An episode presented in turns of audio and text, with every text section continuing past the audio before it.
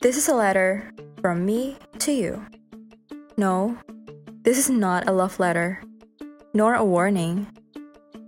This is purely a reminder for you. Reminder for what? You may be wondering.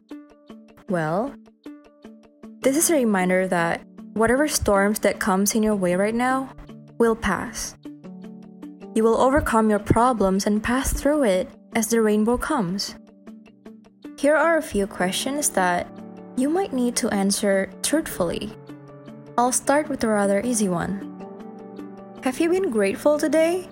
Or that UTBK tryout has left your heart empty because of the difficult questions?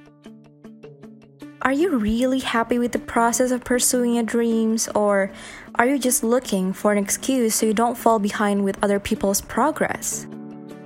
And here's my personal favorite do you really want to pursue that PTN or are you just afraid of what people will say about you if you go to a private university? Is this your ambition or your ego? No, it's okay.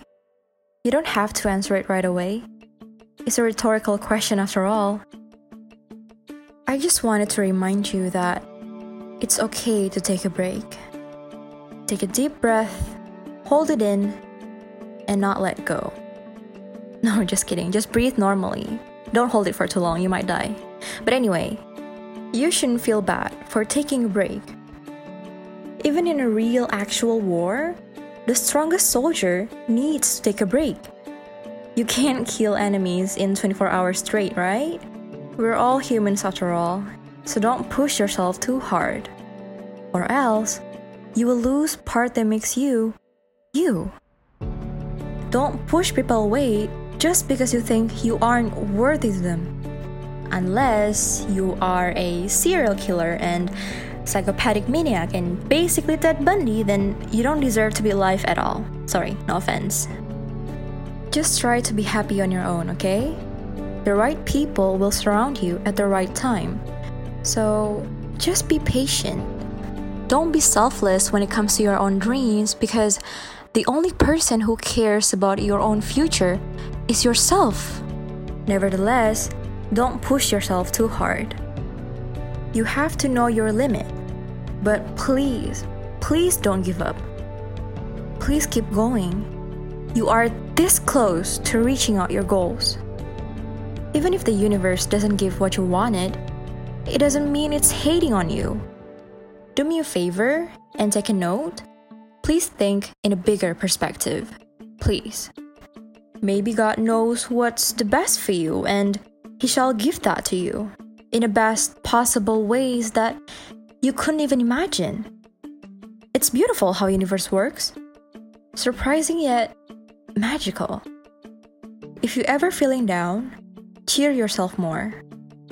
And just know that this too shall pass. Like a rainbow after the storm, the sun will come out and eventually lit up, lifting you from darkness. I'm not saying this because I'm the happiest person in the world, but I'm just saying, for once, don't you need some kind of free encouragements? You will get through it. You have to believe you can. Like the people always said, there are many ways to Rome, thus many ways to reach your success. There are people who are always there for you, even when you feel like you couldn't reach the stars. A piece of advice? Tell this in front of their faces right now. Thank you. Thank you for loving me, even at times when I don't feel lovable. Thank you for always be there for me.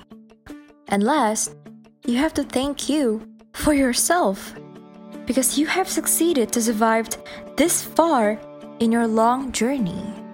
And not gonna lie, that is a great accomplishment for you. Appreciate yourself more. You know you deserved it. This letter is a reminder for you to love yourself. This is a letter from me to you. Buat yang gak bisa bahasa Inggris, intinya, semangat ya. Udah sih itu aja. Makasih udah dengar podcast Ruang Suka-Suka. Kembali lagi di episode selanjutnya. Dadah!